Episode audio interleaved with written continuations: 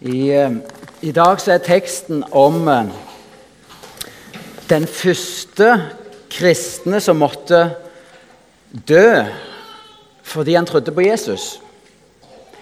Eh, Den første martyren, sier vi gjerne at Stefanus var. Og dette er ikke den historien og den teksten vi har mest lyst til å høre. For det er kjekkere å høre om Daniel i eh, løvehulen, der Gud på mirakuløst vis redda Daniel ifra døden. Men i dag så får vi høre om en som døde fordi han trodde på Jesus, og ikke ville slutte å tro på han.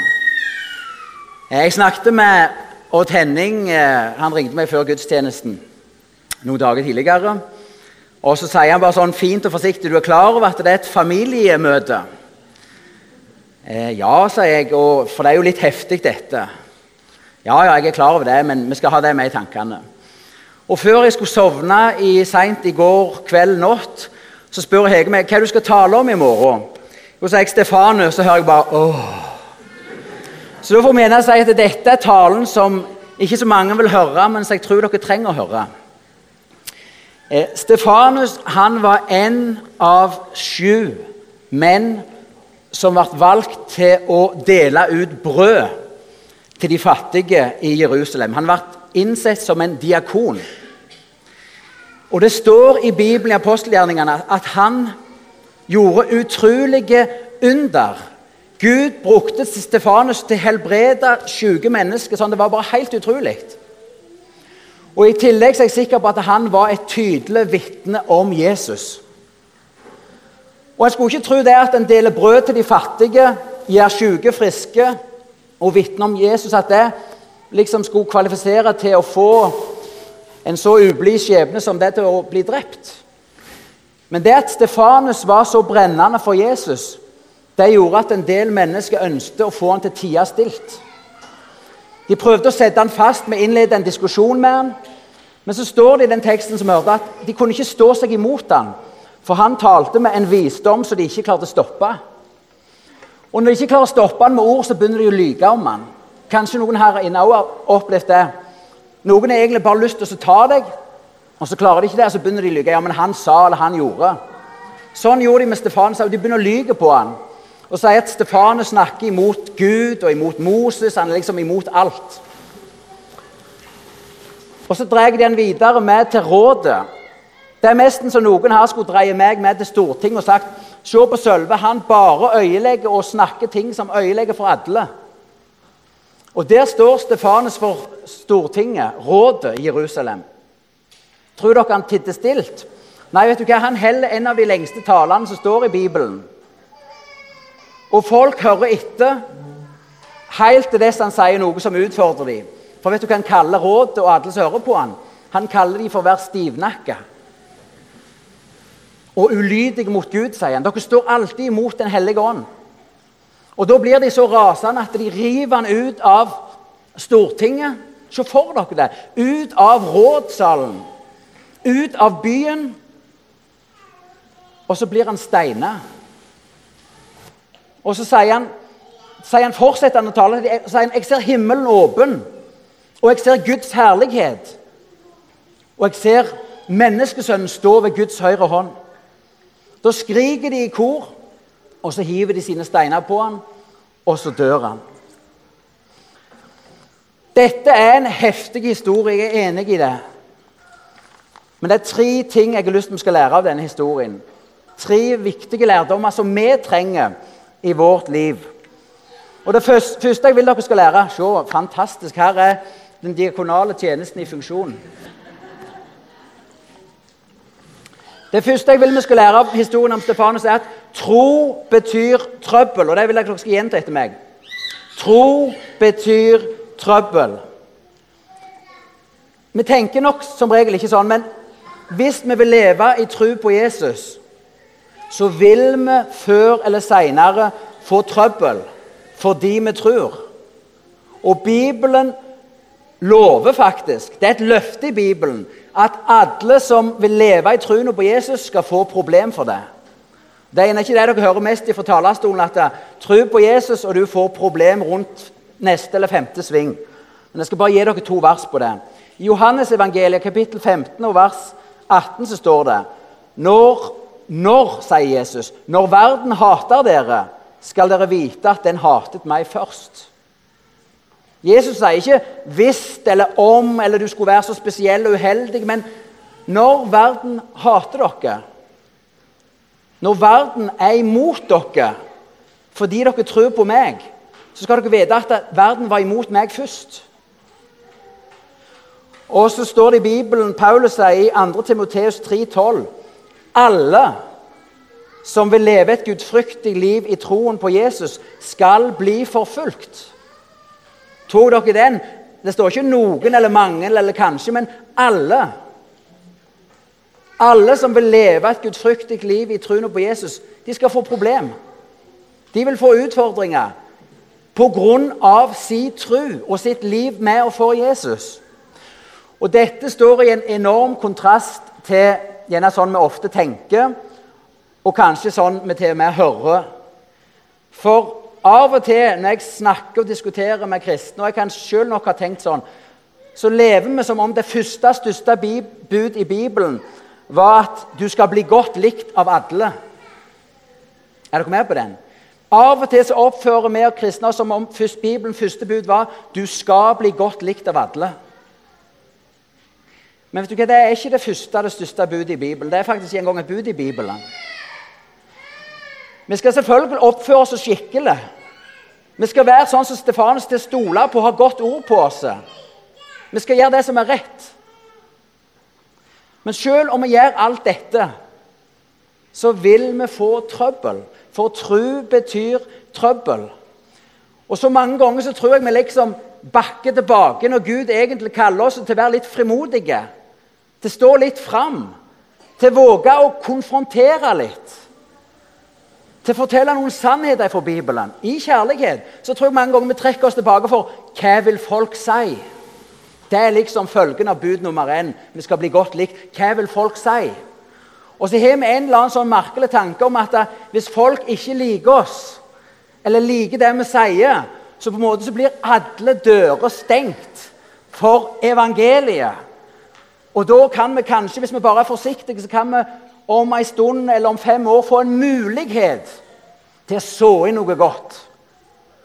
Og så kan vi gå rundt og være veldig sånn forsiktige og egentlig holde troen tilbake. Ikke gå den veien Gud kaller. Ikke si de tingene Gud ber oss om å si, fordi vi skal være så forsiktige. Men vet du hva? Tru betyr trøbbel. Helt kort bare, Hvorfor betyr det trøbbel? Jo, for det første Vi lever i en verden der Gud har en motstander som også er en motstander av oss. Og Det er den onde, eller djevelen, om du vil. Han prøver å få oss til å tie stilt om det som har med Jesus å gjøre, det som har med korset å gjøre. Og han prøver å få oss til ikke ville følge Guds bud og regler for livet. Så vi har en motstander, det kan vi bare være klar over. Vi får trøbbel fordi vi har en motstander, en som ikke vil oss godt. Og I tillegg er det sånn at når vi lever sånn som Jesus sier, som lys og salt i verden, når vi er synlige og tydelige kristne som Gud får bruke til det han vil, så setter vi mennesker på valg.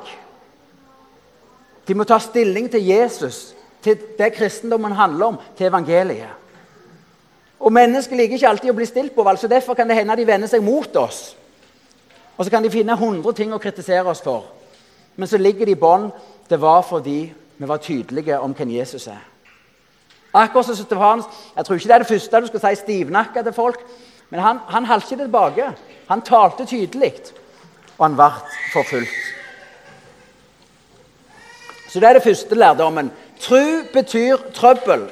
Sorry hvis noen av dere tenkte at å leve i tru på Jesus det var den mest fredelige måten å leve i verden på. Feil. Det betyr trøbbel. Den andre tingen jeg vil vi skal lære av historien om Stefanus, det er at evangeliet er verdt å dø for. Det er enormt heftig å si det, men det er helt sant. Evangeliet er verdt å dø for. Vi fikk jo et evangelium, vi fikk et godt budskap fordi Jesus syntes at det var verdt å dø for evangeliet. Det var jo sånn evangeliet oppsto, at det var mulighet for tilgivelse. Jesus halte ut lidelsen, forfølgelsen, korset, fordi det var verdt å dø for evangeliet. Men det samme gjelder også for oss. Hvis jeg har valget mellom å fornekte Jesus, si nei takk til evangeliet eller dø for det, så er det et utrolig godt valg for meg om jeg velger som Stefanus å stå på evangeliet. For av og til tror jeg vi her i Norge og i Vesten vi gjør evangeliet til noe som først og fremst handler om dette liv. Vi mener det gjerne godt, men vi sier sånn Kom til Jesus og få fred. Kom til Jesus og bli glad. Kom til Jesus og få hjelp i livets ulike omstendigheter og vanskeligheter. Så blir det sånn evangeliet Kom til Jesus og få noe her og nå til dette livet. Men vet du hva? hvis evangeliet først og fremst handler om dette livet, så er det ikke verdt å dø for det. Når en rundt om i verden, i Nigeria, får husbesøk av Boko Haram, for de som vet hva det er, og får valget mellom å fornekte eller dø, eller i Syria besøk av IS, så er det ikke verdt å dø for det hvis dette først og fremst handler om dette livet. Men vet du hva? evangeliet handler først og fremst om det evige liv. For Bibelens budskap og bakteppet for evangeliet det var at vi alle mennesker vi har synda, vi har gjort imot Gud. Og vi er unna Guds vrede, for Gud er hellig. Vi er fortapt, og vi har en evighet vekke fra Gud, unna Hans vrede. Bibelen sier vi var alle vredens barn. Så vi er i så utrolig problem. Og evangeliet er at fordi Gud elsker oss, så sendte han Jesus, som tok mi, de, verdens i synd på seg som tok Guds vrede på seg, sånn at vi kunne få tilgivelse og et evig liv. Og Derfor så er vi dypest sett frelst ifra dette livet. Vi er frelst ifra dette livet til et evig liv. Og Derfor er det selv de som forfølger oss, vet du hva, de kan ikke ta det som har evig betydning ifra oss. For dypest sett så har vi mista dette livet allerede. Vi har dødd med Jesus, og så har vi stått opp igjen med Jesus. Så evangeliet, de gode budskapene om Jesus, det er ikke hjelp til et bedre liv her og nå, først og fremst. Men det er tilgivelse, og så er det et evig liv. Og Det tror jeg er så viktig at vi væpner oss og tenker. Et lite eksempel på det. Si at du skulle ut på en flytur. Og så kom flyvertinnen og sa at denne fallskjermen må du ha på deg en stor ryggsekk, for den, den gjør flyturen bedre. Underveis på flyturen så kjenner du på det var tungt, og du kan ikke lene deg tilbake. og Du begynner å bli irritert på hvorfor skal jeg ha denne fallskjermen på meg. Det gjør jo slettest ikke flyturen bedre.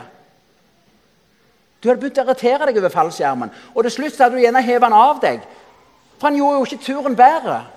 Men tenk så forskjellig hvis flyvertinnen hadde sagt du, nå er vi oppe i lufta. Ta på deg denne fallskjermen, for det er 100% sikkert at på 20 000 fot så vil dette flyet havarere, og du må hoppe ut. Du hadde fortsatt hatt en like stor og tung fallskjerm på deg, men du hadde vært så glad for at du kjente han var der. Om det var litt ubehagelig, så hadde du pinnhalt på han, for du visste at øyeblikket kom. 20 000 fot oppe. Du måtte hoppe. Og fallskjermen var det som ville redde deg. Vet du hva, Sånn er det med evangeliet. Det er ikke for å gjøre turen først og fremst bedre. Jeg tror det er mange som forkaster Jesus og det, fordi det ble ikke lettere alt. Alt gikk ikke bare min vei. Men så var det for å frelse oss ifra den kommende dom. Så var det for at vi skulle vinne et evig liv. Derfor er evangeliet verdt å dø for. For det strekker seg så uendelig utover dette liv. Ikke for at vi skal fornekte dette livet. Vet du, Det er mange gode ting. Vi skal leve her og nå, ja. Men det er ikke det vi dypest sett lever for. Og våre liv, om vi blir 8 eller 88, vet du hva, så er det som et øyeblikk i lys av det evige liv. Så det er det andre lærdommen. Evangeliet er verdt å dø for. For det er en uendelig skatt. Det er redninga for oss. Den tredje tingen jeg vil vi skal lære av historien om Stefanus Jeg må bare si det. Vi er vanskelig for å tro det. Vi lever i en sånn merkelig plass av verden der vi blir frista til å tro at kristenlivet er et krus, mens Jesus bedt oss om å ta opp et kors. Der vi er så frista til å velge fornøyelse heller enn litt forfølgelse og motstand. Vet du hva? Årlig så dør ca. 140 000 mennesker fordi de tror på Jesus. Fordi de heller det for mer verdifullt enn å miste livet. Evangeliet er verdt å dø for. Og Jesus sier, 'Salige er dere når folk for min skyld spotter og forfølger dere, lyver og taler vondt om dere på alle vis.' Gled dere og juble, for stor er lønnen deres i himmelen. Og helt til slutt, den tredje lærdommen vi skal lære, det er at gjennom alt Jesus har kontroll. Kan dere gjenta det? Jesus har kontroll. Og så har jeg lyst til at dere skal gjenta den andre lærdommen. Evangeliet er verdt å dø for. Evangeliet er verdt å dø for. Vet du hva? I historien med Stefanus det virker som om han er et hjelpeløst offer for menneskets vrede. Det kan virke som om Gud er milevis vekke, ute av i stand til å redde ham. Men så er det utrolig sterkt å lese i apostelgjerningene 7 når Stefanus ligger der og venter på å smake steinene, så ser han at himmelen er åpen. Så ser han Guds herlighet. Den er i vente. Og så ser han menneskesønnen stå med Faderens høyre hånd, med Guds høyre hånd. Vet du hva? Jesus står i himmelens kommandorom. Jesus har fortsatt all makt i himmelen på jord. Selv om det virker som et nederlag med menneskeøyne, så er ikke Stefanus en som dypest sett taper. Men han vinner og holder fast på det evige liv. Og Sånn skal vi også vite. Når vi møter forfølgelse og motstand pga. at vi tror på Jesus, så har Jesus kontroll gjennom stormen. Vi kan få noen på trynet, vi kan få noen smeller. Vi kan bli spotta, vi kan bli hånt. Vi kan i verste fall, sånn som det skjer mange andre plasser i verden, måtte miste vårt liv. Men gjennom alt dette Jesus har kontroll. Han er fortsatt all makt. Og evangeliet blir ikke stoppet av motstand, men det får nye føtter å gå på. Det ser vi i apostelgjerningene. Motstand og forfølgelsen stopper ikke evangeliet, men det fører bare til at han enda raskere blir spredt ut. Det kan du òg vite når du møter motstand for hans navns skyld. Det stopper ikke Gud, men evangeliet har føtter å gå på, og Jesus har kontroll. Som kristne er vi kalt til å gå i Jesus sine fotspor. Vi går på hans vei, mesterens vei. Og det er fortsatt en korsets vei. Vi får lov å følge Jesus opp på de høye topper, få ting åpenbart, få klarsyn. Vi kan kjenne på gleden over å være frelst. Vi kan kjenne på styrken i fellesskapet. For det er viktig å si, Mange av disse tingene som vi kan gjøre til hovedting med evangeliet, det er frukter som vokser fram når det er et fellesskap som lever i evangeliet. Da får vi dype vennskap. Da får vi støtte i vanskelige situasjoner. Da er vi bærer hverandre, styrker hverandre. Men vi er også kalt til å bære lidelse for Hans navns skyld. Tru betyr trøbbel. Men midt i motstanden så kan vi glede oss, for vi har en ufattelig herlighet i vente. Har du eh, ikke stemme? Nei. Da skal vi avslutte med ei bønn. Kjære Jesus, jeg takker deg for det ordet vi har fått høre i dag. Jeg takker deg for Stefanus. Og jeg ber om at vi må få lære av hans liv. At vi òg må væpne oss med at du ikke kalte oss til et krus gjennom livet, men til å tåle motstand for ditt navns skyld.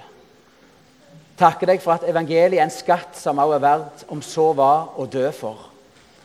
Og så takker jeg deg for at du gjennom alt har kontroll. I Jesu navn. Amen.